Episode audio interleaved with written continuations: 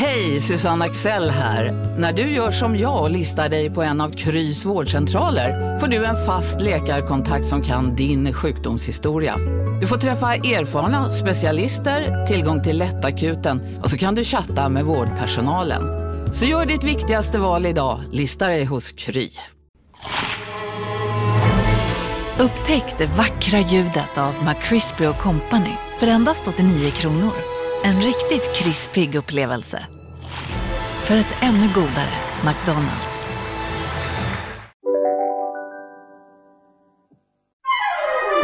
Du lyssnar på en podd från Perfect Day.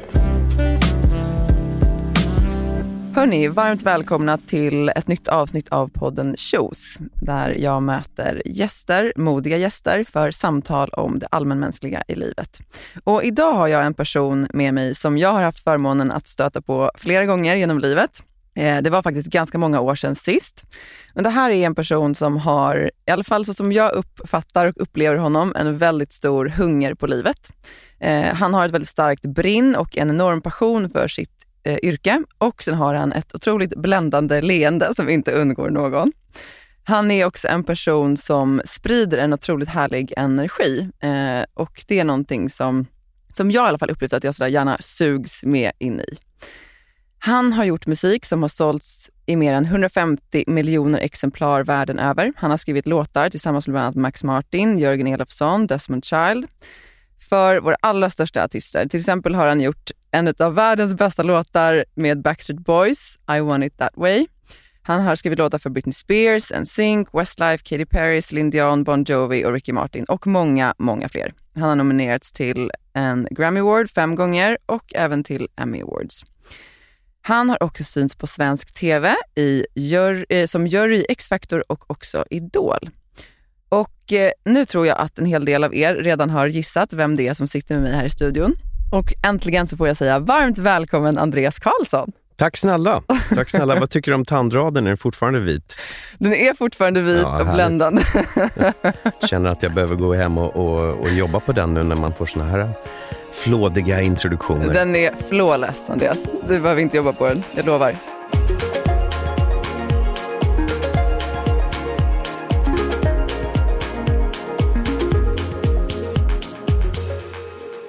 Men du, innan eh, eh, jag ska bjuda in dig till eh, att avbryta mig i den här långa monologen så, så tänkte jag bara att jag ska eh, berätta en liten sak. För att eh, jag nämnde ju nu initialt att vi har träffats några gånger under åren. Mm. Och det finns ett minne som för mig är så himla starkt. Och det var när jag var i Los Angeles och jobbade på en advokatbyrå. Och så bodde jag där en period. Och det var en hel del svenskar som hängde där. Och du bodde där då. Och det var liksom ett så här jättehärligt gäng som hängde och gick på middagar och gick på hikes och ja, men, umgicks med varandra. Och så var det vid ett tillfälle som vi skulle hem till dig och jag satt i din bil, kommer jag ihåg. Eh, och så drog du på musik. Jag för mig att det var Phil Collins, jag är inte helt säker. Det var det säkert. Jag har ganska mossig smak så att det, Nej, det låter som jag. Ja, men det, var, det var bara så härligt för att du drog på någon låt och så drog du på så jättehög volym och sen så bara sjöng du liksom helt skamfritt.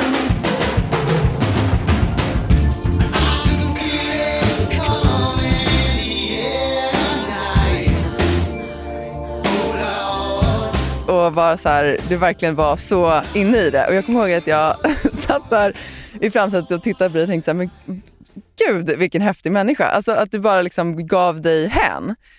Um, och jag tror att det var en sån här sak som, ja men det, det sådde ett frö i mig. Jag tyckte det var så otroligt häftigt att du verkligen kunde vara i din passion på det här sättet.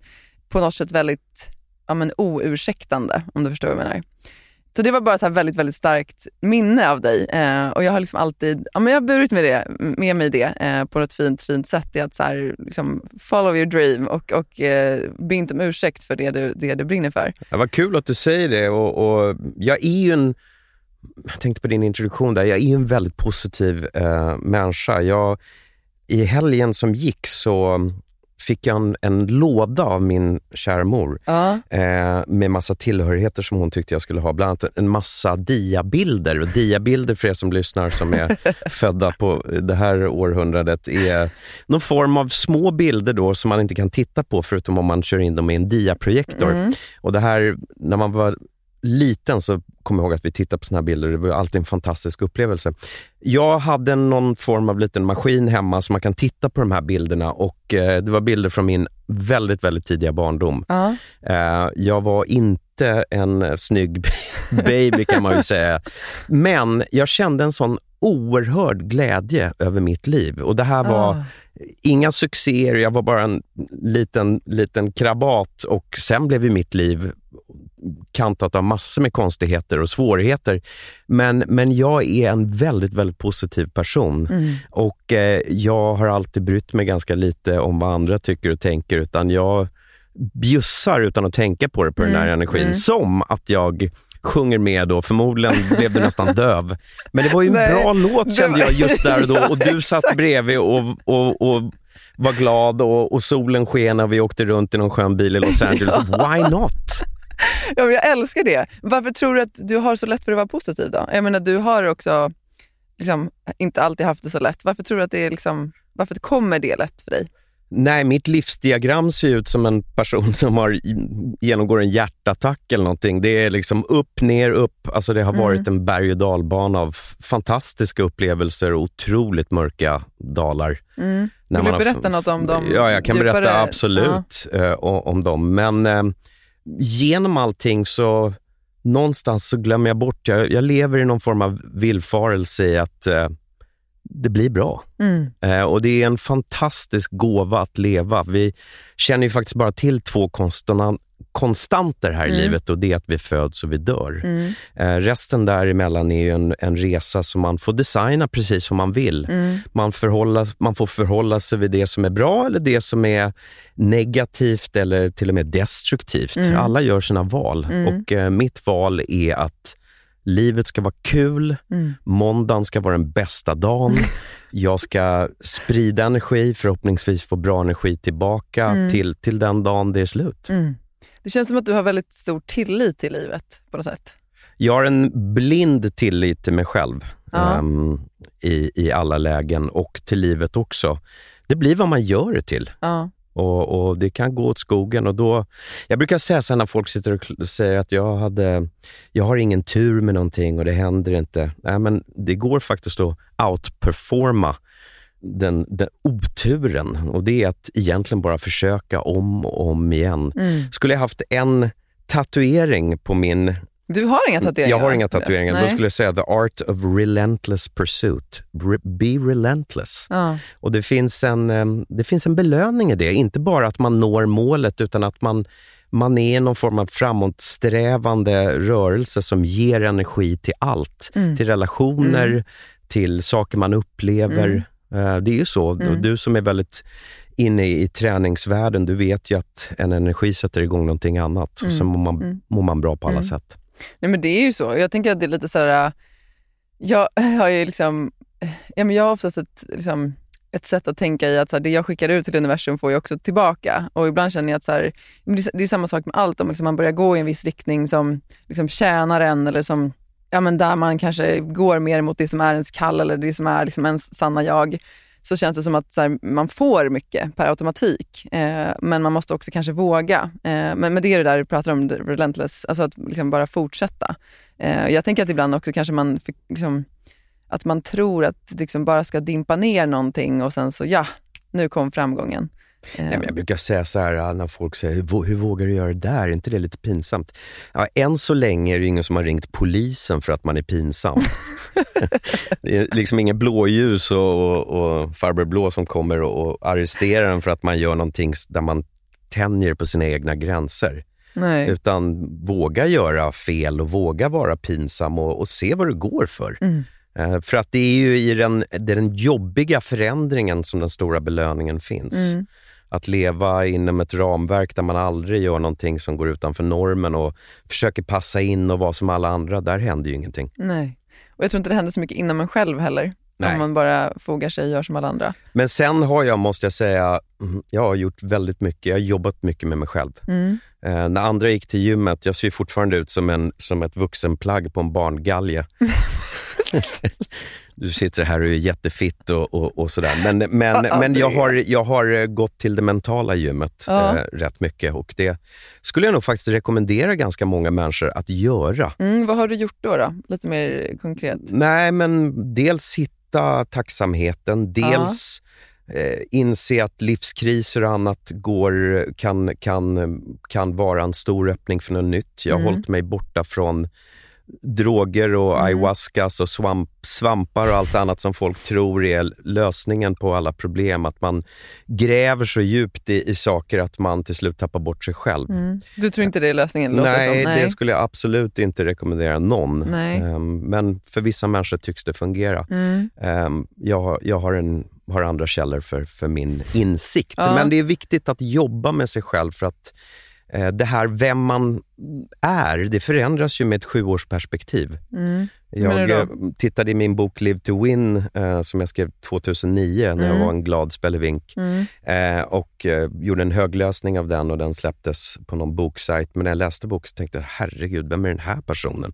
Ah. Wow, Ja. vad glad jag är att jag har gått vidare. Ja. Och Det är nog det viktigaste i livet och att gå vidare, det är en utmaning. Mm. Att, eh, Gud ja. att tänka om igen, vem är jag? Mm. Har jag rätt komponenter inom mig för att kunna, mot, för att kunna motta eller kunna tackla den samtid jag lever i nu? Mm. Och det, då hade du liksom jobbat med det för att liksom försöka sätta dig ner i så här, vem vill jag vara nu? Känner jag att jag är den? Eller hur kan jag arbeta på ett sätt för att... Eller hur Ja, liksom man känner ju hela tiden kanske då och då att man eh, behöver, ja, men jag behöver nog förnya mig själv lite. Mm. Och hur tänker jag? Hur, vad är viktigt och, och sådär. Och det, det kräver ju att man, att man tittar inåt.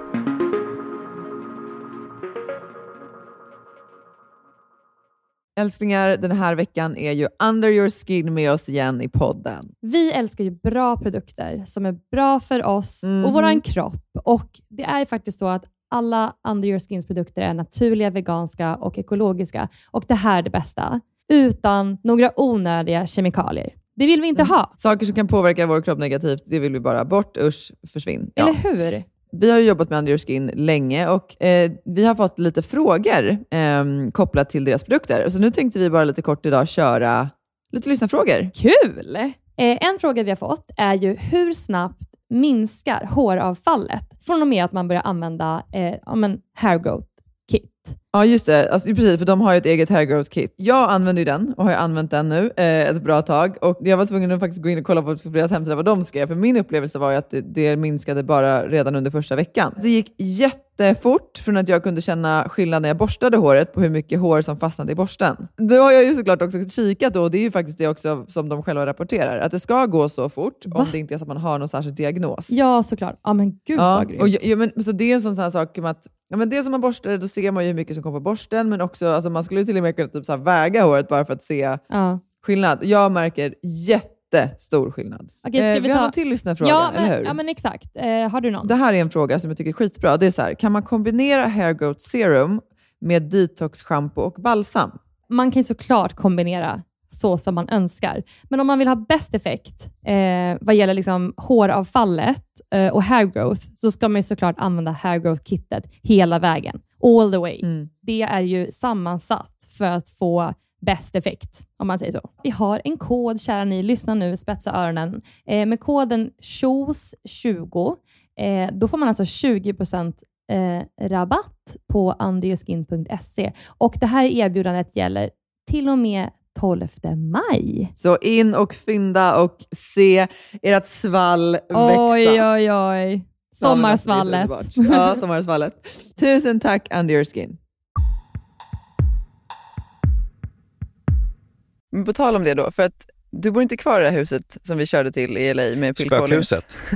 Kommer du ihåg att det spökade? Nej, jag kommer Nej. inte ihåg det. Det var ett fantastiskt hus.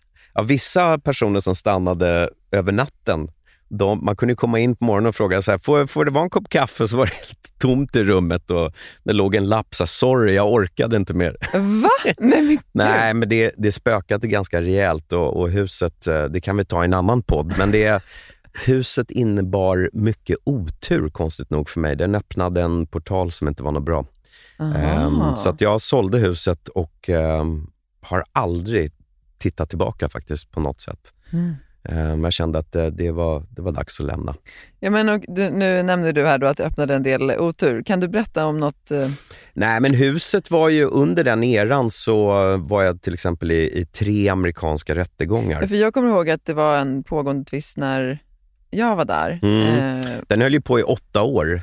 Och oh. för er som lyssnar då, åtta år, jag sitter jag bredvid en advokat här som förmodligen när hon inte gör poddar tar 8000 plus moms i timmen eller något sånt där. Nej.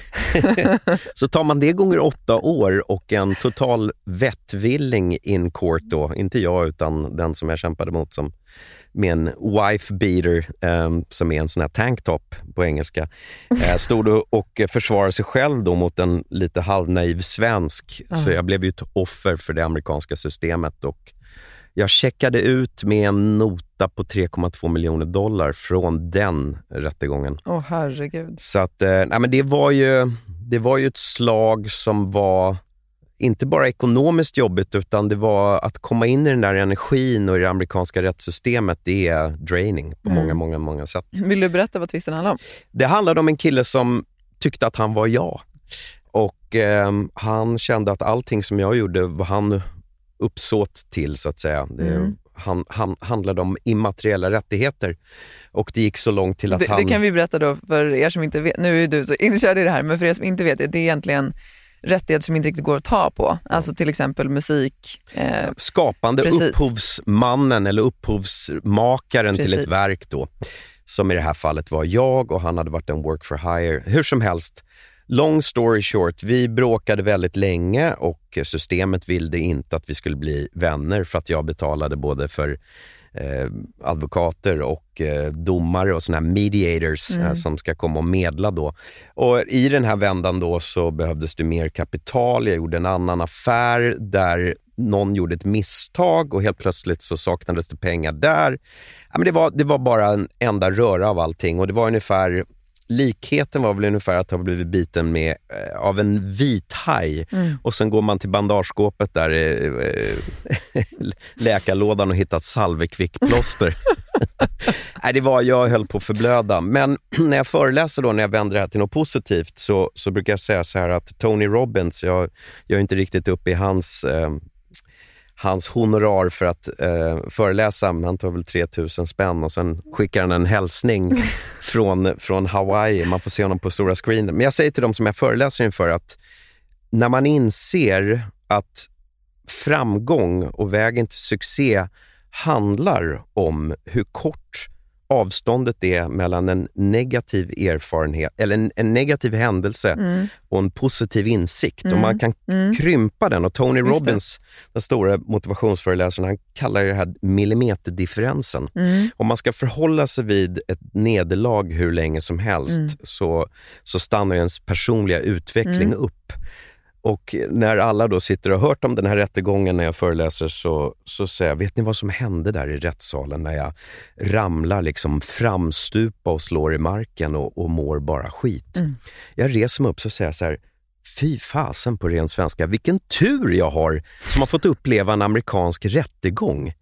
För att i USA så säger man så här, you haven't arrived before you've taken a lawsuit. Ah. Um, du har alltså inte anlänt till mm. ditt liv innan du har kunnat ta en sån här fight. Mm. Och för de människorna då som jag som vill väldigt mycket och som faktiskt precis har börjat min resa. Jag ser ju det som jag har gjort innan här som ett liten sån här Friskis och svettis-uppvärmning jämfört med vad jag är på väg. Det är klart att jag var tvungen att ta den här. Ah. Så jag tittar runt i, i, i, framför mig då bland de jag föreläser inför. Så säger jag, vem här inne har, har gått upp i en amerikansk rättegång själv? Det är inte så många händer som viftar i luften. Så att med det under västen så är det klart att jag kan göra fantastiska saker nu som är mycket större mm. än det jag gjorde under min första resa mm. i livet. Mm. Och när vi pratar om resor, och innan du trycker stopp på mig, så vill jag, vill jag säga att jag tror att vi lever alla under en period av tre resor i livet och sen får du ja, säga hur, de, ja. hur, du ser dem. Man brukar säga att den första är the journey of innocence, alltså mm. naivitetens resa. Mm. Man tror att man ska bli låtskrivare, man bor i en liten våning på Söder. Förlåt, våning var det inte, det var en liten lägenhet med Stockholmsdusch. En Stockholmsdusch, en är en Stockholmsdusch? den sitter ovanpå toaletten, så man sitter på toaletten och duschar. Det är Va? alltså en ombyggd garderob, den fanns en gång i Du är tiden. inte säker på att det var en bidé? Det var någonting, blöt blev jag i varje fall. Men där drömde jag om att man kan skriva låtar som folk över hela världen ska tycka om. Alltså det finns ju ingen sannolikhet alls i det. Det är totalt abstrakt på alla dess sätt. Mm. Men eftersom man tror så hårt under naivitetens resa så Mm. händer saker och ting till slut. Mm. Affirmationen gör att man skapar sina egna möjligheter och människor som ser det drivet och det brinnet som finns i dig är beredda att tro på att du kanske är den personen som kommer gå Mm. och den här vägen liksom skapas för dig. Mm. Människans stora systemfel det är att vi vill alltid ha mer. När vi Mm. har flygit business så vill vi flyga privat och sen så vill vi köpa planet och sen har vi ätit bättre. Alltså mer är ett väldigt centralt ord Mm. i människan. Mm. Vi vill framåt, vi Mm. vill ha löneförhöjning och sånt. Så när man har flaxat runt där på naivitetens resa så brukar man till slut känna att det här var inte speciellt kul egentligen. Jag, jag måste stadga mig. Mm. Jag måste skaffa mig ett liv som alla andra tycker jag ska leva. Och Då går man in i the journey of knowledge, kunskapens resa. Mm. Och eh, det är egentligen, och Då ska man säga att den första kanske varar fram till 35. Och då har man Som jag är nu då? Ja, ja. så kunskapens resa, då inser man att man kan gå på ett affärsmöte i t-shirt och jeans, men man har ändå en viss form av auktoritet, Ja. man har redan varit ute och flaxat. Man har en, eh, en telefonbok med intressanta människor, man har mognaden för att ta rätt beslut. Och är man väldigt schysst under den resan och den föregående resa, så får man en tredje resa sen i livet som är the journey of paying it forward. Mm. Det är de människorna som man varit mentor till och, och hjälpt och, och så vidare eh, framåt som kommer och frågar, vill inte du vara senior advisor i, i mitt bolag till exempel? Mm. Etc. Så att allting som man gör i livet är ju en förberedelse inför nästa sak. Mm. Så att om man tänker då den här jobbiga lawsuiten, så den här killen var ju på ren svenska, jag höll på att säga ett asshole, men han var ju en skitstövel. Han förstörde ju mycket av mina chanser och han ringde till stora bolag i USA och sa att eh, Andreas Karlsson är en bluff. Mm. Eh, så det var ju jätte, jätte, jätte, jätte, jättejobbigt. Men jag insåg att, att den personen som jag är efter Mm. skulle jag absolut inte vilja byta bort. Nej. Jag blev en varför mycket, mycket bättre människa av, av den motgången. Ja, det kanske gav dig perspektiv, låter det som. Det gav mig någonting som är ens eh, största nyckel till lycka i livet, vilket är ödmjukhet Mm.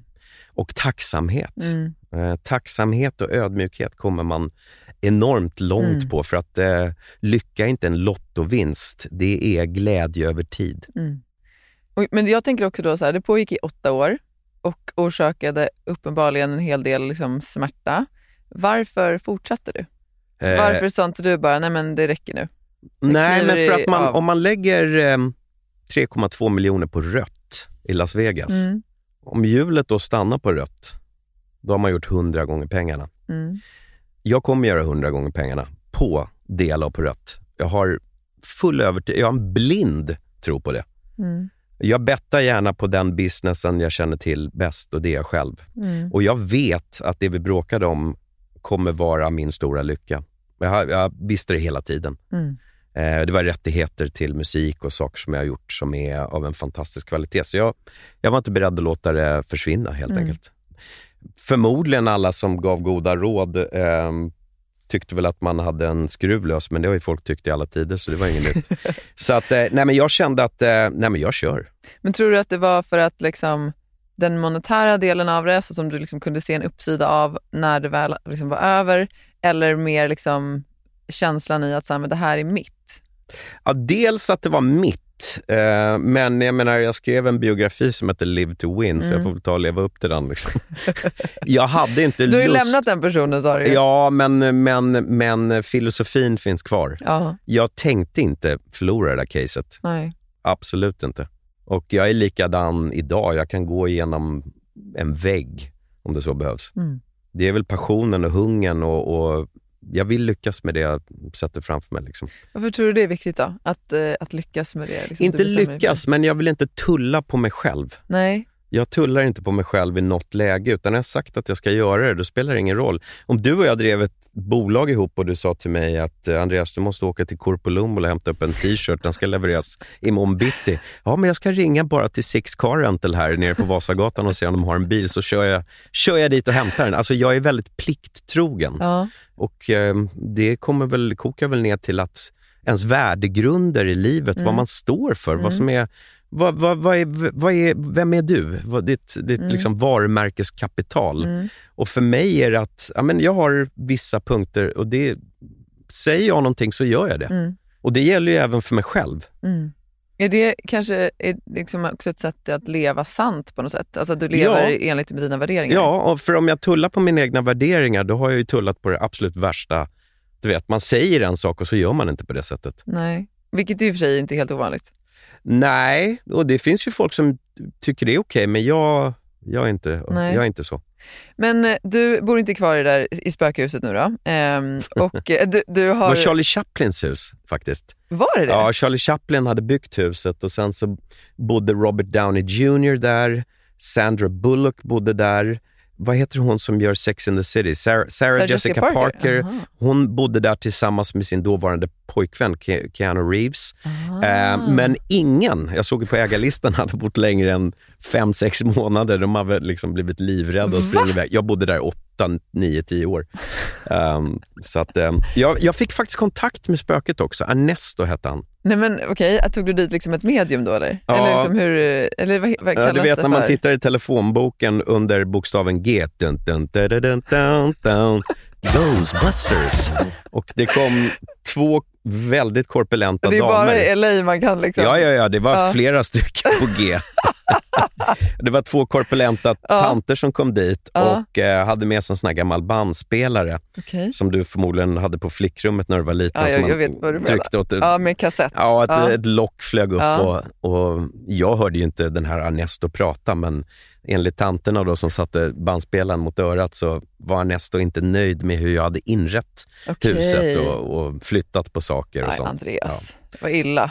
Så att, eh, ja. Men, men vad hände då? Alltså han, han försvann inte? Nej, jag Du försvann, ju, jag försvann ju, men det var ju mycket saker som hände i, i huset som var fruktansvärt Vad var det som hände då? Nej, men den ena tanten där blev ju nerpushad för trapporna i huset. Jag tror hon skulle bryta nacken. Nej, Och eh, ibland när jag gick upp och skulle lägga mig på övervåningen så var sovrumsdörrarna låsta från insidan så jag fick gå tillbaka ner i genom, eh, vad heter det, nerför trappan till undervåningen. Och, nej, men du vet, man Mm. känner, om man, har, om man är lite sådär eh, inne i den där världen och har den känslan så kommer ihåg att jag kunde sitta nere i min bio och titta på en film och känna att nu står det någon bakom mig. Och du vet, varenda hårstrå Ah. på hela armen restes och jag tände upp alla lampor som fanns. Men det kändes ändå mörkt och obehagligt. Det är svårt att beskriva känslan. Vissa som lyssnar nu kommer att tycka att jag är helt galen, men de som lyssnar som har varit med om det här någon gång, ja. Jag, jag kände det första dagen jag flyttade in. Jag sa att, ringde min assistent och sa Deborah, I'm not gonna live here. There's something about this house that's creepy. Och ändå bodde du där i Ja, åtta år. ja, det var ju dyrt. Jag hade ju köpt det kontant. Så att jag, ja.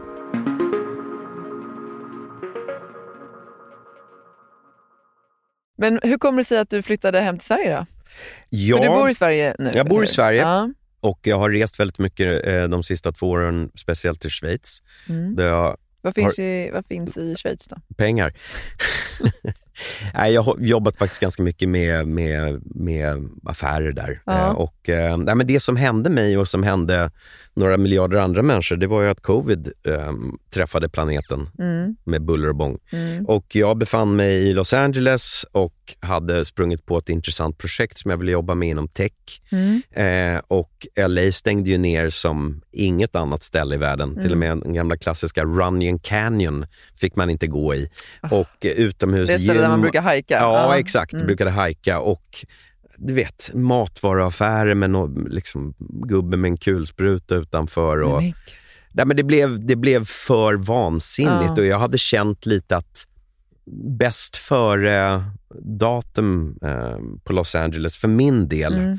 hade gått ut innan covid. Mm.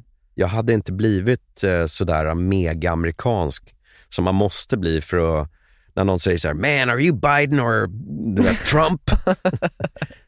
Nej, jag, är tyvärr, jag är tyvärr ingen av dem. Liksom. What? What's wrong? Nej, men, men jag kände att ehm, jag blev för kritisk inställd till USA och vad de står för som nation egentligen. Varför tror du det blev det då? För att du fick se så mycket av det? Ja, man fick se mycket av det och man förändrades mycket själv. Man fick eh, som sagt tampas med the legal system. Mm. Eh, man såg väldigt mycket utslagna människor på gator och, och Mm. man insåg att det här är ju så mycket annat än målad kuliss. Mm. Och under covid så tror jag att många med mig faktiskt i USA förstod att det här kan ju krackelera när som helst Mm. och på ett eh, katastrofalt sätt. Och sen var det en incident faktiskt under covid när jag sitter på 14 våningen i, mitt, eh, i min bostad då, för jag flyttade till en sån här eh, i The Wilshire Corridor, en sån här trevligt lägenhetshotell med Mm. doorman och kem upp till rummet och allting. Då sitter jag och tittar på nyheterna och helt plötsligt är jag på andra sidan av rummet för då har soffan glidit till andra väggen, alltså fyra, fem meter genom rummet och sen när jag tittar... Det- va? och sen så är jag igen på andra sidan. Då är det en jordbävning som, som håller på och jag sitter där och jag känner att jag, jag har lurat många jordbävningar, jag har klarat mig liksom ifrån det här, men en vacker dag kommer den stora. Ja.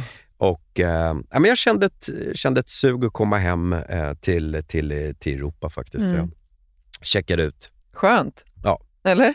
Ja, det känns jättebra. Konstigt nog så, även om jag kan LA som min, som min egen ficka, så har jag faktiskt inte längtat tillbaka. Och, eh, min mamma blev också i samma veva sjuk i ALS. Hon Mm. fick en diagnos eh, och jag känner att jag vill vara ja, men nära familjen och, och Mm. finnas där, där det är viktigt att vara Mm. just, just nu. Har någonting förändrats i dig sen hon fick sin di- diagnos? Ja, en, en hel massa faktiskt. För att jag har insett att eh, jag undrar lite hur jag är kittad att bli den äldsta generationen nu. Det är på något sätt när, min, när ens föräldrar går bort så blir Mm. man ju den som Det är näst på tur. är näst på tur på, Mm. nå- på något sätt. Sådär. Och eh, då inser jag vilken fantastisk människa min mamma har varit och hur mycket hon har kämpat. Och, eh, under covid så skrev vi hennes biografi faktiskt. Mhm. Och min mamma är ju pastor. Mm. Eh, och hon har skrivit en fantastisk bok som heter Omsluten. Mm. Och jag har skrivit några böcker så jag var med och guidade henne lite i dramaturgin och man bygger upp en bok och jag har varit med och designat omslag och lite sådär. Mm. Men den släpps i varje fall nu i september. Och, vad och jag, ja, jättehärligt. Och jag fick förstå liksom hur min mamma kom till tro och, och hur hon har hur hennes liv har påverkat henne. Mm. Sådär. Så jag, jag, jag kände mig så mycket, jag kom så mycket närmare också med hennes sjukdom. Jag var ju med på sjukhuset när hon fick, Mm. fick diagnosen Mm. ALS och, och sen åkte jag själv till Stockholm och du vet, Bor hon kvar nere i Småland? Ja, om är kvar nere i Småland, Mm. men du vet, jag grät ju från Växjö till Stockholm. Ja. Det var ju Mm. alltså ALS. Mm. Och det har ju blivit så uppmärksammat nu på senare tid. Men sen tänkte jag bara så här att nu måste jag bli den absolut bästa personen jag kan bli för min mamma, så länge hon finns med. Liksom. Mm. Så att eh, jag har nog tagit ett stort steg framåt och försökt... Nej, men man blir ju ännu mer ödmjuk och man blir ännu mer villig att... Ja, men det handlar inte bara om mig längre. Det handlar Mm. om min familj, mina Mm. relationer och sådär. Och det är väl också det som händer när man blir äldre. Att man Mm. tycker att ja, men all spotlight behöver faktiskt inte vara på en själv, utan det finns andra i ens närhet som man faktiskt måste sätta först. Mm. Och du om någon har ju fått uppleva det på, på ett helt otroligt sätt. Mm. Ja. Ehm, Verkligen. och det har ju säkert förändrat dig också väldigt mycket. Ja, det gör ju det. Liksom. Alltså, oh, det är ofrånkomligt, tänker jag. Det blir ju också att... Eller jag tänker att, eller på vissa sätt tänker jag att här, jag själv inte har förändrats så mycket, men däremot har liksom mina perspektiv förändrats mycket. Och därför jag tycker det vore så intressant att höra från dig också, för jag vet att du har alltid jobbat mycket och liksom det där drivet och din passion för musiken har ju, liksom, i alla fall min bild, liksom, den har verkligen varit, den har ju nästan så konsumerat dig och på samma sätt har det lite varit för mig. ibland Att jag, liksom, jag, jag har sprungit så fort eh, i livet och, och när Elin blev sjuk så blev det ju mer ett sätt i att så här, men vart, vart ska jag? Vad har jag så bråttom till? Och det har ju liksom hon, hon, ja, men hon har gett mig det på ett sånt otroligt fint sätt. Eh, men också den här, det som du pratar om, liksom en otroligt mycket större ödmjukhet inför livet. För att det är verkligen, även om döden fortfarande är så himla abstrakt så är det så tydligt att det kommer ta slut. Eh, det är liksom det enda vi vet. Och ändå så beter man sig som att som att inte ska göra det. Och det tycker jag har varit liksom den största delen, att försöka leva mer som att jag har den här dagen, det är det jag vet. Mer, Mm. mer än så vet jag egentligen inte. Och det är också en form av, av tacksamhet för, för nuet. Ja. Eh, som gör att man, ja, men man blir ödmjuk och man blir, man blir lyckligare. Alltså, För Mm. man vet att eh, vi har, ingen av oss har det för evigt. Nej.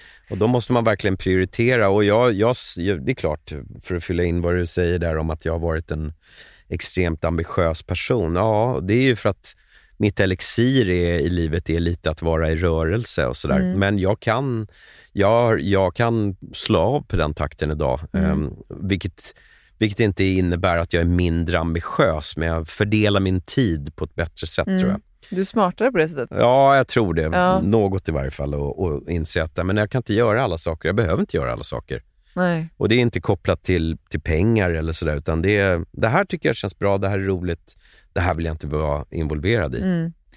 Men mu- musiken känns ändå som att det har varit det stora brinnet i livet. Ja, Ja. jag har ju alltid sagt att musik har varit min bästa vän på många sätt. Jag är ju, när jag motivationsföreläser har jag kallat mig Tingsryds svar på tjuren Ferdinand.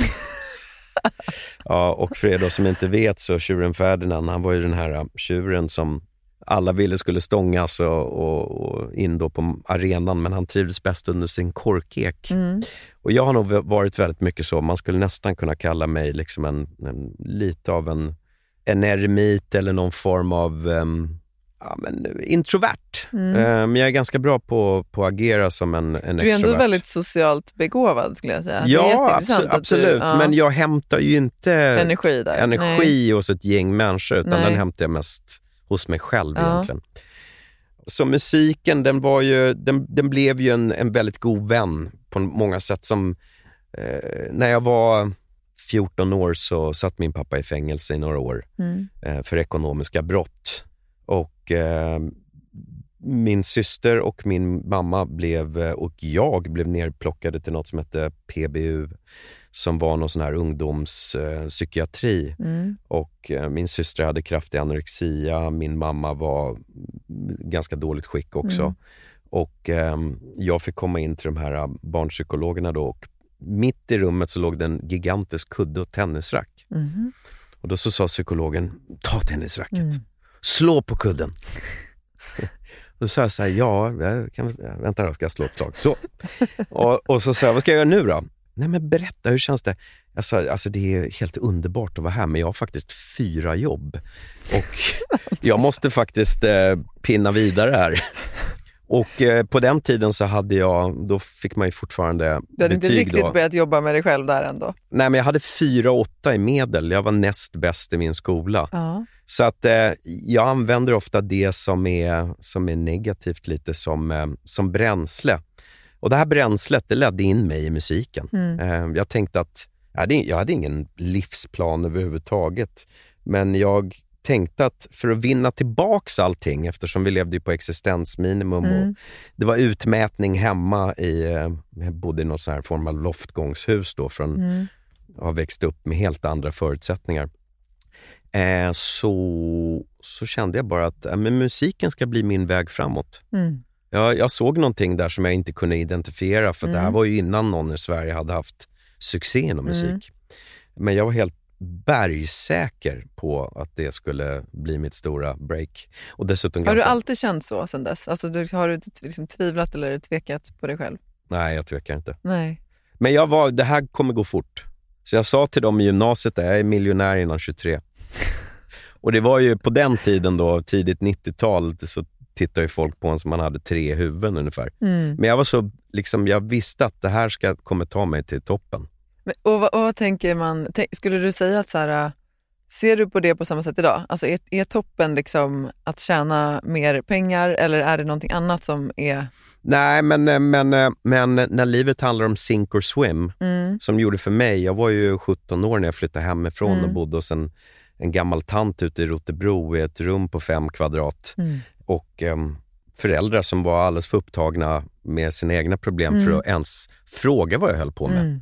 Så var det kid, you're on your own. Mm. Eh, det var, jag var tvungen att helt och hållet designa min egna resa Mm, jag förstår att det är Eft- viktigt då. Mm. efter, efter de möjligheterna som jag hade. Mm. Och Jag hade en god eh, vän som var musiklärare nere i Tingsryd och han sa, hade tidigare sagt till mig när jag var lite sådär låg, då sa han så du min vän, vad du än gör, glöm inte bort rock'n'rollen. Och jag gick ju hem till pappas lexikon då och såg att rock'n'roll kunde ju vara en sexuell rörelse, rock'n'roll. Men också en, en, någonting livsbejakande, alltså något positivt. Mm. Så jag gick tillbaks till min lärare då, eh, det här var i 11-årsåldern, så sa jag, du, du menar att man ska ha kul? Det är klart att man ska ha kul. Mm. Är det inte kul, gör något annat. Och jag insåg att vara i studion och jobba med musik, det var ju kul. Ja. Och kan man översätta kul till ett yrke, då har man ju skapat en Ja, nej, fantastisk men det är ju dröm möjlighet. Ja. Så att jag, när alla andra gjorde, och det var inte lätt att göra det här. Nej. Alla andra blev ju arkitekter och läkare och, och jag valde någonting som inte ens var ett jobb. Mm. Men eh, som sagt, vi lever en gång. Ja, men det är också det, det, det jag tycker är häftigt, för det blir ju som att det, det fanns ett väldigt, liksom, det fanns en sån tydlig riktning för dig på något sätt inne i dig och att du vågade följa den. Det tycker jag är jättemodigt. Ja, och sen så just det här att eh, många känner nog till mig idag lite som någon som var en, eh, jag är nästan idag en Kiss-kännare. Eh, jag skriver förord till folk som skriver böcker om Kiss som är orakel och de frågar mig om jag kan författa förordet. Men det hände någonting 1983 när jag satte upp en affisch på Kiss på min vägg. Ja. Jag fick helt plötsligt ehm, eh, ett postulat, som det kallas. En, en, en sanning utan logik. Ja. Jag såg fyra personer i USA och en, en värld som jag eh, som helt plötsligt blev verklig för mig. Mm. Att de här människorna de pratar om att man ska inte ta droger, man ska jobba mycket, man ska göra det här. Jag, jag, jag hittade allting i de där affischerna som jag behövde som bränsle för att Mm. faktiskt göra en sanning Mm. av det jag såg på väggen. Mm. Att de där kommer jag hänga och jobba med och så här kommer mitt liv bli. Det blev Och helt, så blev det ja, det blev helt tydligt. Och då bodde jag i Tingsryd, ett samhälle med 3000 invånare där man säger att var sjätte medborgare är en häst. Det var inte, liksom, oddsen var ju inte helt hundra. Och ändå så gick det. Absolut, allt Mm. går. Mm. Allt går. Vad, är liksom musik för dig då? Alltså vad, vad, Musik idag är eh, mycket glädje. Jag konsumerar inte musik alls egentligen. Kör det? Eh, inte idag, utan Inte idag, ens Phil Collins? om, om jag kan plocka upp dig och vi kan åka ut och åka lite bil så.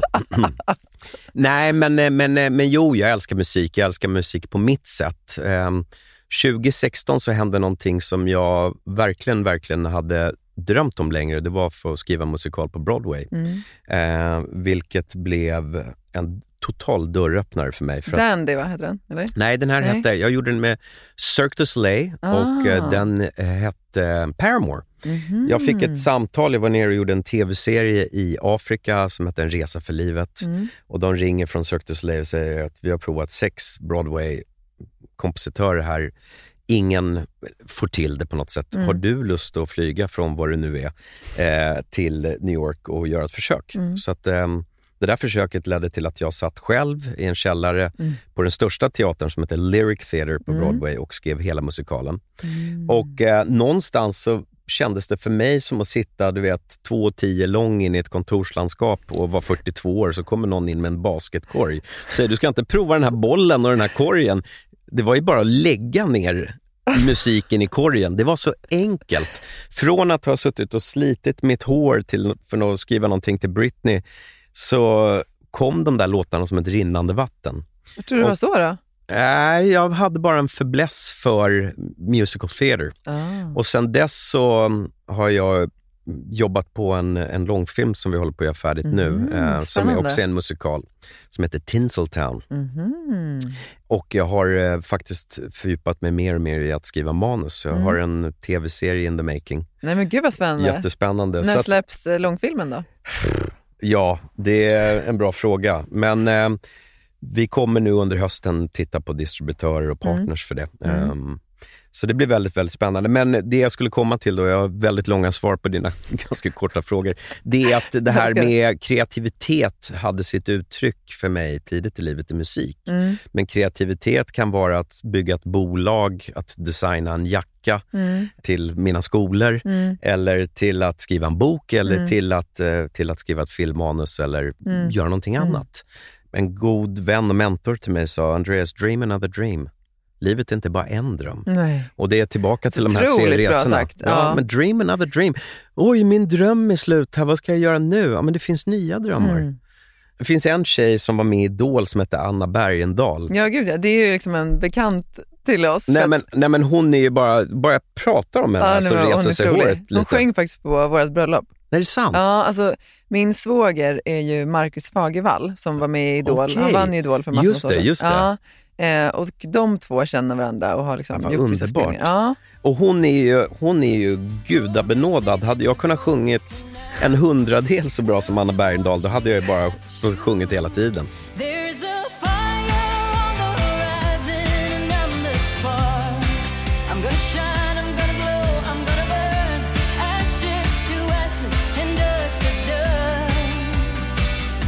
Men Anna Bergendahl går ju bli läkare. ja.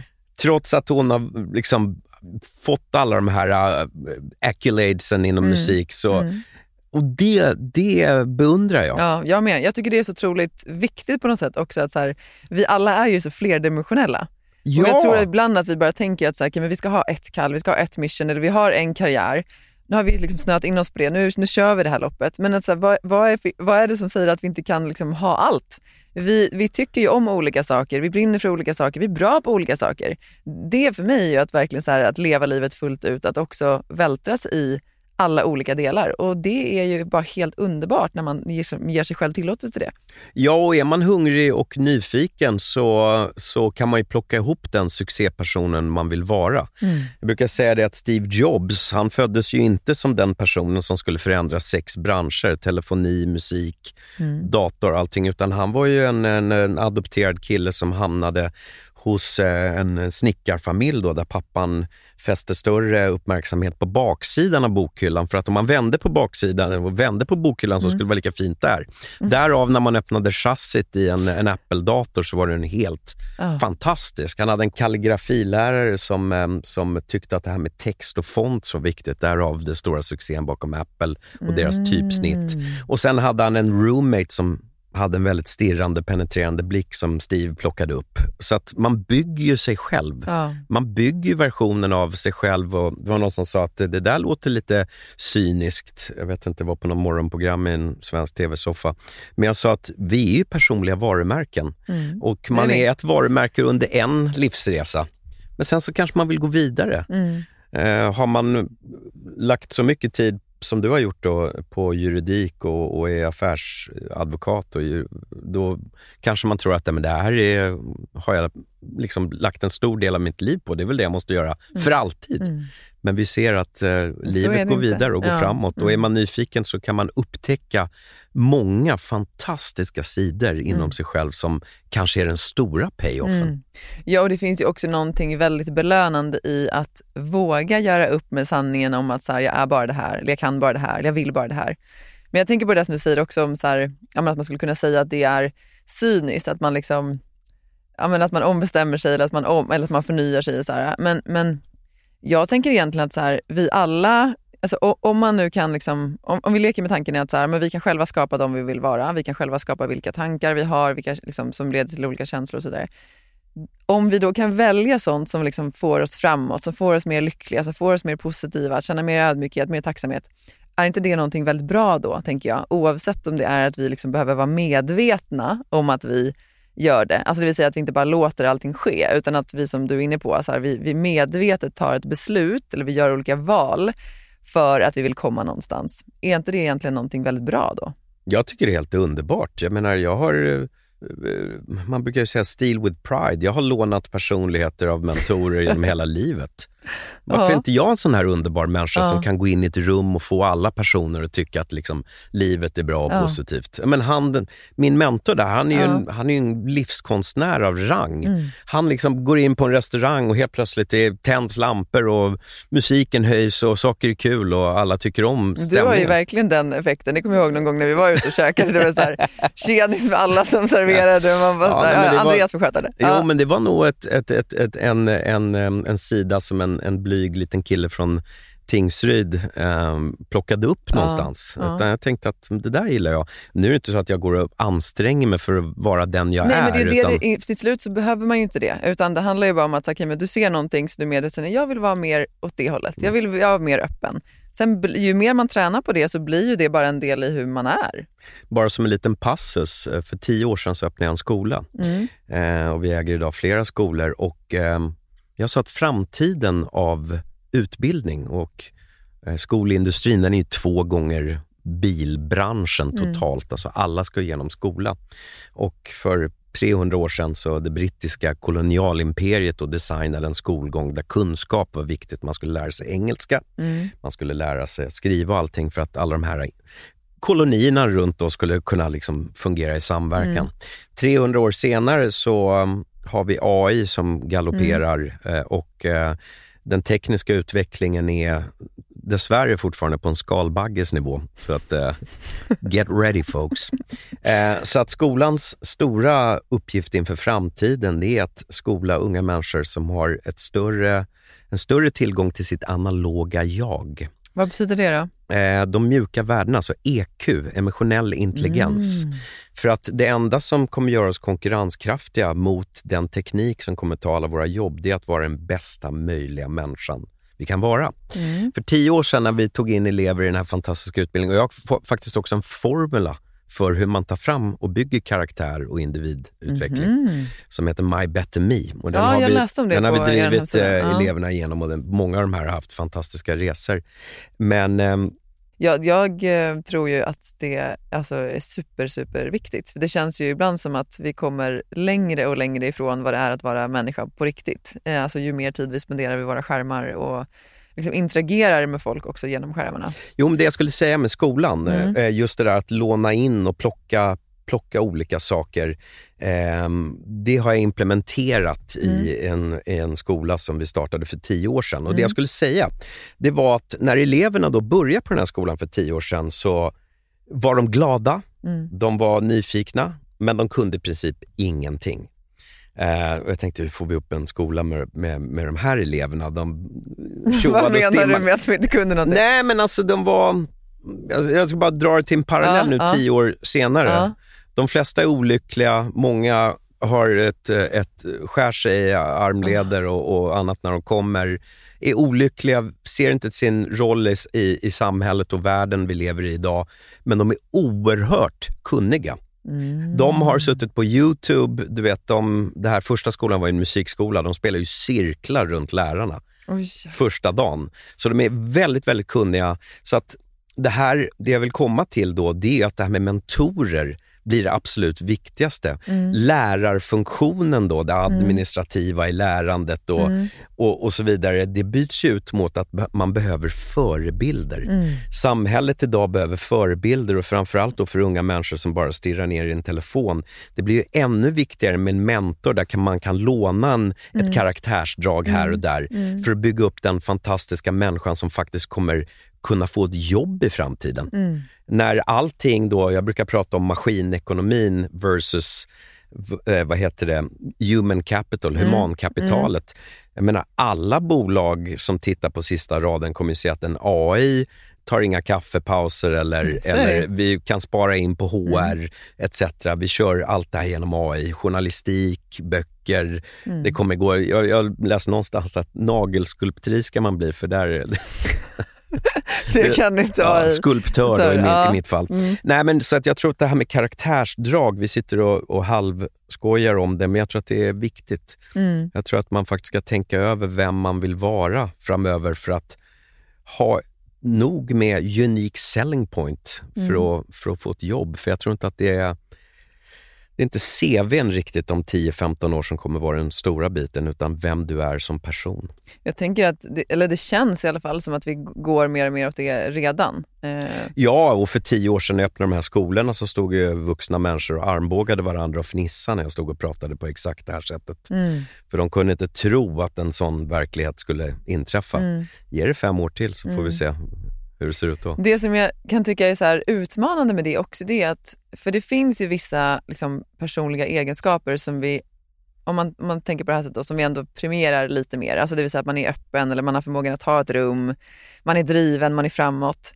Människor som liksom per se då är väldigt långt ifrån det, för dem blir det ju liksom nästan ännu svårare. Jag kan bara liksom dra en parallell till hur jag lite upplever att det varit liksom i, alltså inom branschen som jag arbetat, där man tidigare var, liksom, där räckte det kanske med att så här, du, var, du, var, du hade en juristexamen och du hade liksom goda betyg. Men, men även där så blir det ju mer och mer viktigt med att du ska vara pragmatisk, du ska vara karismatisk, du ska ha, liksom vara, du ska ha liksom förmågan att vara väldigt kommunikativ. Och många av de här delarna är ju sådana som per se jurister generellt kanske inte är så bra på. Utan man tycker om att sitta på sin egen kammare och liksom fördjupa sig i lagtext och, och vara lite liksom ensam.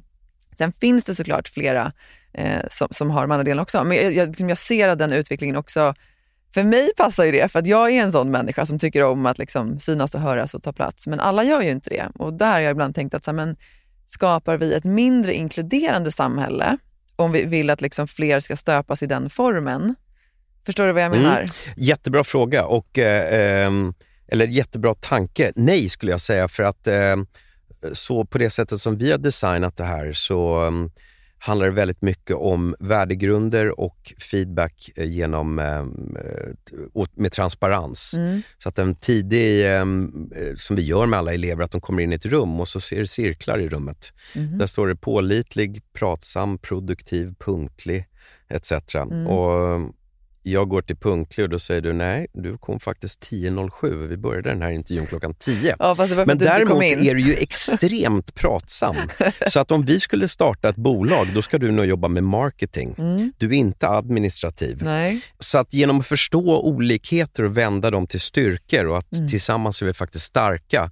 Genom att ta fram de här karaktärsdragen och sen jobba med grupputveckling Mm. så kan man bygga eh, inte bara skolor utan företag eller kanske rekon- rekonstruera ett helt land. Ja men 100 procent. Så att eh, skolministern, om du lyssnar så har jag lösningen faktiskt för att ta Sverige från botten av PISA till varje fall toppen. Men det här är så intressant Andreas, för det handlar ju någonstans också om att, det jag hör dig säga i alla fall, det är ju att vi alla människor har ju liksom någonstans våra förmågor och det handlar kanske mer om att liksom identifiera dem och att få dem att växa. Och, och många gånger så kan man ju bygga det absolut bästa teamet om alla är på rätt ställe. Och det är ju det som jag upplever i alla fall att man sällan är. Det, det så är det ju också ofta på arbetsplatser att blir du befordrad, okej då blir du chef, då ska du leda ett team. Du kanske är otroligt introvert, du tycker inte om att leda. Det är inte därför du har fått framgång på ditt, på ditt Nej, arbete. det är som att säga till Steven Spielberg, eh, nu har du sprungit runt med den här kameran alldeles för mycket. Du är otroligt dålig i matte. Vi får lägga undan kameran och fokusera på dina Ja, mattebetyg.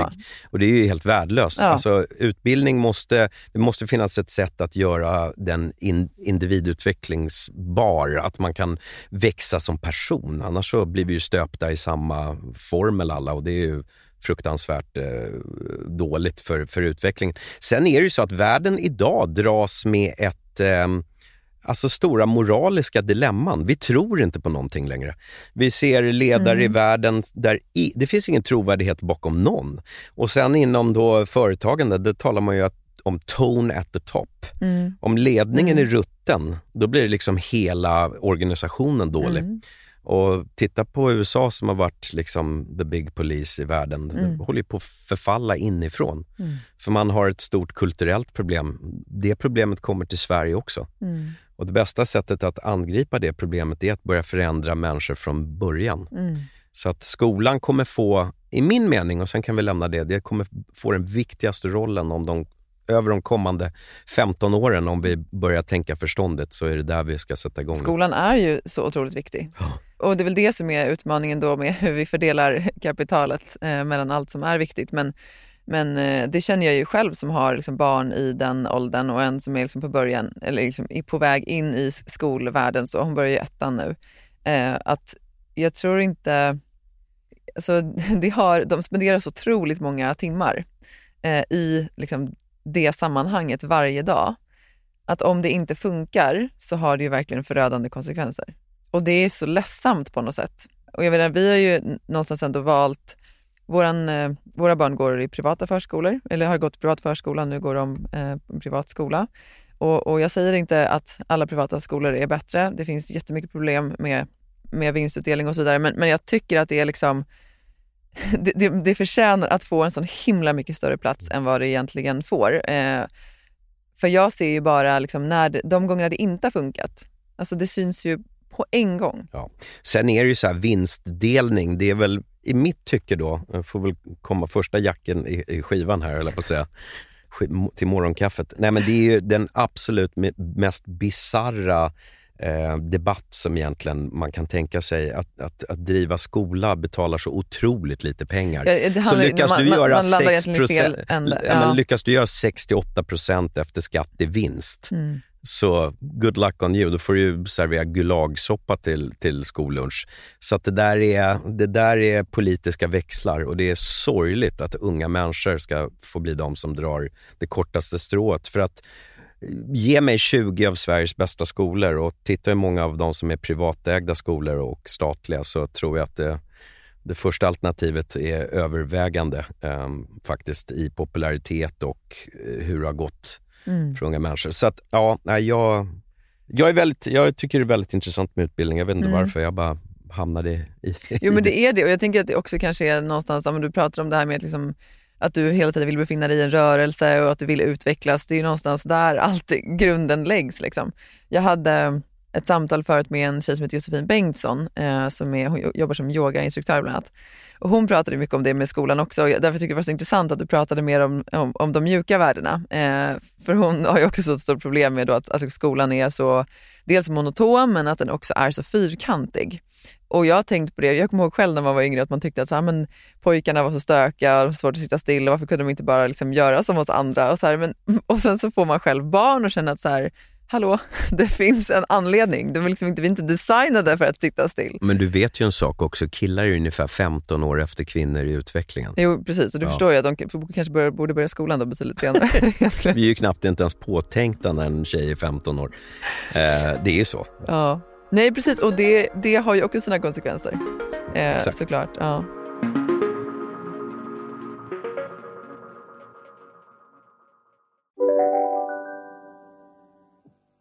Hej, Synoptik här. Visste du att solens UV-strålar kan vara skadliga och åldra dina ögon i förtid? Kom in till oss så hjälper vi dig att hitta rätt solglasögon som skyddar dina ögon. Välkommen till Synoptik. Ah, dåliga vibrationer är att skära av sig tummen i köket. Ja! Bra vibrationer är att du har en tumme till och kan scrolla vidare. Alla abonnemang för 20 kronor i månaden i fyra månader. Vimla! Mobiloperatören med bra vibrationer. Ni har väl inte missat att alla takeaway förpackningar ni slänger på rätt ställe ger fina deals i McDonalds app. Även om skräpet kommer från andra snabbmatsrestauranger. Exempelvis... Åh, sorry. Kom, kom åt något här. Exempelvis... Förlåt, det är något skit här. Andra snabbmatsrestauranger som... Vi, vi provar en talning till. La, la, la, la, la. La, la, la, la. Jag tänker eh, också på, vi, vi, liksom, vi, har- vi har berört det lite, men jag, jag skulle bara vilja prata lite om passion med dig. Mm. För det känns som att så här, du har mycket av det du berättat också, du har följt din passion eh, och du fortsätter göra det. Vad är passion för dig? Att göra det som känns... Eh, alltså att vara passionsstyrd är att göra det som inte har någon friktion överhuvudtaget. Eh, hade du frågat en munk någonstans på en Tibet-topp så hade han sagt att det är att leva i sitt dharma. Eh, alltså I sitt en- flow. Ja, Mm. enligt mm, minsta motståndets lag egentligen. Lyckas man bygga in passion i sin, eh, att om man är passionsstyrd, eh, man känner att man har ett kall till och med Mm. för något, då gör man ju saker egentligen utan tanke på belöning. Mm. Och det känns ändå väldigt, väldigt bra och det är ju fantastiskt tillstånd att Mm. befinna sig i. Att Tror du det är viktigt att ha en passion? Jag tror det är jätteviktigt att vara passionerad kring något. Mm. Om det är att, att samla på bokmärken eller, Mm. eller resa eller vara ute i naturen eller skriva låtar. Eller, alltså det är eh, på något sätt ett, ett andhål kanske i, i, i, i livet där man får göra någonting utan tanke på belöning Mm. eller att det ska ta en framåt. Mm. Sen är det ju folk som är passionerade i, i sitt yrke och allting sånt där. Men ja, det är en, för mig är det en viktig del av min tillvaro Mm. att känna just Hur passion. tror du man eh, hittar det då? Alltså hur vet man vad som är ens passion? Nej, men det är, alla människor tycker ju någonting är kul. Mm. Någonting som är, kan vara väldigt, väldigt abstrakt. Ja, men jag gillar att resa. Varför blir du inte reseledare? Varför tar du inte jobb som steward på ett flygplan? Eller Mm. varför, varför måste allting, det som är roligt, ja, men det kan inte vara någonting som man kan jobba med. Mm. Många människor har blivit bra mycket mer förmögna på sin hobby än på det som de har valt som yrke. Om de nu har vågat ta tag i hobbyn Mm. och, och, och Mm. gå hela vägen. Så jag tror att man ska vara nyfiken på sin passion. Mm. Det finns massa svar där, för passionen ligger förmodligen närmast vem man egentligen är på insidan. Mm. Jag kommer ihåg när jag eh, skulle hålla på med musik och alla mina släktingar sa så här, du Andreas, det vore ju kul om du gjorde någonting vettigt med din tillvaro. Ja, så jag sökte till RMI Bergs. På den tiden var RMI Bergs, då skulle man ju hålla på med reklam, Mm. tidigt 90-tal, det var liksom prestigefyllt. Nu ser jag nästan ut som en reklamare. Jag ska sätta på Ja, det gör du faktiskt. Jag ska sätta på mig ett par glasögon här så ser jag ut som jag liksom kan göra kampanjen för någon form av reklam. Mm, sådär ja. Ja, ehm, och jag kom in på RMI Bergs, jag blev antagen, det var 900 som sökte, de tog in 25. Och, Alltså är det liksom Berg, som nu heter Bergs i Stockholm? Ja, liksom, ja. och läraren säger så här, ja, bara så att ni vet, jag gillar att spela i ett band, men eh, alla kommer ju få nattkort här så ni kan sitta och jobba dygnet runt på Bergs. Och ju mer han snackade, desto mer tänkte jag att så här, det här är ju inte kul. Jag ser ju inte ut som de här svartklädda killarna med, med attachéväska som ska göra liksom, eh, nya IKEA-katalogen eller vad de ska hålla på med. Eller, Du gick inte igång på det? Nej, men jag, så, så jag räckte upp handen och så sa du, jag måste bara fråga, ursäkta, vad kostar det att sluta? vad ska du göra? Jag ska göra musik. Ja, för det var min passion. Jag tänkte, Ja. jag, jag kan inte tumma på det här. Liksom. Nej. Så att, nej, jag är ju extremt passions, passionsdriven och eh, jag tycker alla, alla ska utforska det. Ja, och jag tänker att det kanske inte, för, för ibland, jag är också det, och jag, jag tänker, eller har upplevt i alla fall, att ibland känner många som att så här, men det är så himla svårt att veta vad jag vill. Hur ska jag veta det? Att man liksom nästan känner att man behöver sätta sig ner och vänta på att en blixt ska slå ner och där ska man få svaret att så här, det här är min passion. Men jag tänker, och, jag, och du, du är inne på det också, att det kan handla mer om nyfikenhet, i att så här, våga prova. Mm. Våga ta ett jobb. Känns det här rätt? Blir jag uppslukad av det här? Känner jag mig liksom fulfilled? Eh, testa någonting annat om det inte är rätt. Alltså det kanske inte egentligen handlar om att så här, man måste veta exakt, men i och med att man vågar testa och vågar ge sig ut så kommer det liksom komma till dig. Eh, att det kanske handlar mer om det än att så här, nödvändigtvis här, du har en passion, gå bara efter den. För det är det vi pratar om också, om att så här, ha olika drömmar. Att våga testa. Sen är ju, du vet, ham, hajar som inte simmar, de drunknar ju. Hajar som inte är i rörelse. är det så? Ja, peng, Jag skrattar. Är, är, är, vad, hur, ja, en haj måste alltid vara i rörelse, till och med när de sover. Varför då? Och, nej, för att uh, gälarna, någonting är gjort på ett sätt att om de är passiva så sjunker Blottar jag min haj-okunskap här? Gud, jag hade ingen aning. Men eh, du kanske känner till det här, du med dina, din bakgrund, att pengar som ligger i madrassen dör också. Pengar måste vara, ekonomi måste vara i rörelse. Mm. Och vi Jag människor, har inga pengar med dassen, men ja. vi människor är också gjorda för att vara i rörelse. Och när Ja. jag motivationsläser så brukar jag säga, glöm det här med mindfulness, prova workfulness. Nej. Jo, för att av ett liv så jobbar vi 90% och vi är lediga 10%. Folk är så fruktansvärt inställda på att tiden man är ledig, det är det viktiga. Nej, nej, men det håller jag ju med om. Men gör jobbet till det som är kul. Och då säger, okej, hundra- jag då säger människor så här, Ja. men nu ska jag göra det roligt. Ja, inte fanken vet jag, men uppfinn Ja. massa Ja. liksom passionsstyrda eh, andhål Ja. i, din, i din värld. Lägg till tre projekt till som Mm. du gör Mm. nu och då. Mm. Som gör att det här, pratar ofta om de här människorna som står och springer på stället vid ett övergång, de som är ute på, och springer så här på söndagar så blir det röd gubbe och de står kvar på... Det är jag! Ja, exakt. Vet du varför? Du vill inte förlora ditt flow. Nej, det är exakt därför. Jag vill inte att pulsen ska gå Det ner. finns Ja. ingenting för sämre, som är sämre tycker jag för mig själv, det är att när jag stänger av mitt flow och sen försöker jag sätta igång det. Nej, det är jättesvårt. Jag vill vara i rörelse, så jag blandar in, även om jag också måste betala räkningar och jobba och göra träliga saker, Mm. så måste jag låta de här passionsstyrda projekten och mm. ämnena, där jag inte tänker på att det ska generera pengar, vara Mm. med och puffa på Mm. mitt livshjul. Helt enig. Ja. Ja. Ja. verkligen. Ja, men då håller jag med dig. Jag förstår vad du menar då. Nej, för det handlar ju mer om att kanske så här, omdefiniera vad som egentligen är jobb då. Alltså så här, lägga in saker som man tycker är mer roligt i det som också förhoppningsvis på sikt kommer kunna generera pengar. Tänker jag. Ja, det går ju... Det går Om ju det är nu det man behöver. Alltså för det, är här, det behöver inte vara att det är pengar som slutmålet. Jag tänker att så här, för det var det var därför jag försökte gräva lite i det förut Andreas. För att jag har ju tidigare tänkt mycket att, så här, att, att framgång är ganska så här, synonymt med liksom vilken titel man har och liksom hur mycket som kommer in på lönekontot varje månad. Men, men jag känner, har ju inte känt så på ganska många år utan känner ju mycket mer att så här, framgången är att liksom känna sig fri, tillfreds, lycklig, eh, att man har tid till det och de man älskar och att man har tillräckligt. Och det är ju olika för alla människor. Men att det liksom inte är särskilt förknippat längre med det monetära. Jag håller helt med. Jag eh, har ju levt efter, efter tanken av att vara framgångsrik och tjäna pengar och kunna köpa massa onödiga saker och sånt. Och det är jag också helt frigjord för, från egentligen. Jag tycker friheten är, är det absolut viktigaste. Sen är jag ju någon form av renässansmänniska som, som gillar liksom livets goda och eh, tyvärr för min del, livets goda är att jag alltid går och plockar upp det som är mest dyrt eh, i form av hotellvistelse eller, eller någon... Ja men du har den möjligheten nu och det ska du väl inte Nej, det vill jag inte säga Nej, att jag all, okej. alltid har, Nej, men okej. tyvärr dras jag till det så jag måste jobba som en galning Ja, du tänker så med ja, saker för, att, kunna underhålla ja, det. för att jag, jag gillar fina saker och jag gillar att se vackra vyer och, Mm. och så vidare. Ehm, så att, ehm, ja. Du gillar att uppleva livet Men, helt men, det, men det, jag är inte med i någon, eh, i någon inbördes tävlan.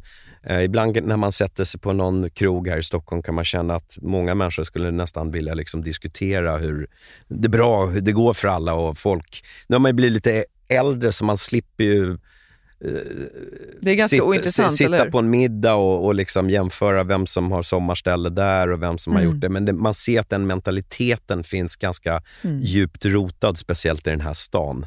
Tycker du det i ja, Stockholm? jag Ja. tycker det. Det är ju en liten ankdamm med massa, med massa skvaller och sådär. Men jag, Ja, alltså, jag har ju varit avstängd från, från allt eftersom jag har varit Ja, småbarnsförälder jag i så många år nu. Nej, jag, går in, i- jag går hem till min våning och sväljer nyckeln och låser sovrumsdörren och tänker på annat. Men jag vet ju att det finns och, och sådär och folk får gärna prata hur mycket de vill. Ja. Lever du det livet som du eh, har drömt om?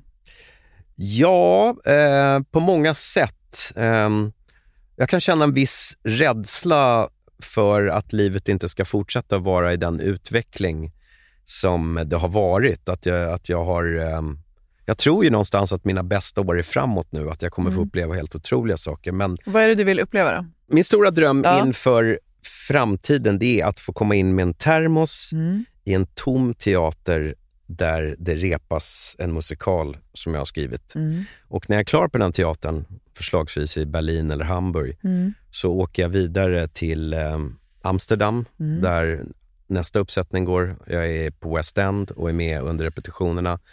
Jag, eh, det vore min stora dröm och det är mitt stora mål att det jag håller på att jobba med nu Mm. ja, men har en Mamma Mia-effekt. Eller som Martin faktiskt har lyckats med nu med And Juliet, där jag har en del låtar faktiskt. Mm. Eh, det, det, det, det skulle vara min stora passion och min stora lycka. Och Mm. sen sitta någonstans, Norditalien eller södra Schweiz och eh, skriva. Mm. Skriva saker som ingen behöver bry sig om egentligen. och Ha full kreativ frihet. Mm. Att eh, skapa fantastiska projekt som man sen får ut och har egna administrations och distributionskanaler. Liksom. Mm. Eh, det är mitt mål. Eh, Känns det som att det har alla förutsättningar för att det ska bli så? Nej, men jag accepterar inget annat. Utan det är whatever it takes. Om jag så ska hacka mig fram på framtänderna så, så we'll get there. Ja, ska vi eh, tumma på att eh, vi ses igen om några år då? och så eh, ser vi hur läget ligger då? Då plockar jag upp dig i en Riva-båt eh, vid någon trevlig strandkant, kanske nere vid Lake Lugano. Och givetvis i kassettdäcket då, eftersom vi är lite keep it old school, så kommer det ljuda I can feel it coming in var the air tonight. Eller hur? Det var exakt den du spelade Andreas, fy fan vad underbart. Jag ser fram emot det. Du, tusen, tusen tack för att eh, du ville komma hit idag. Tack själv. Underbart att få vara här. Tack till alla er som har lyssnat. Vi ses igen nästa vecka. Hej då!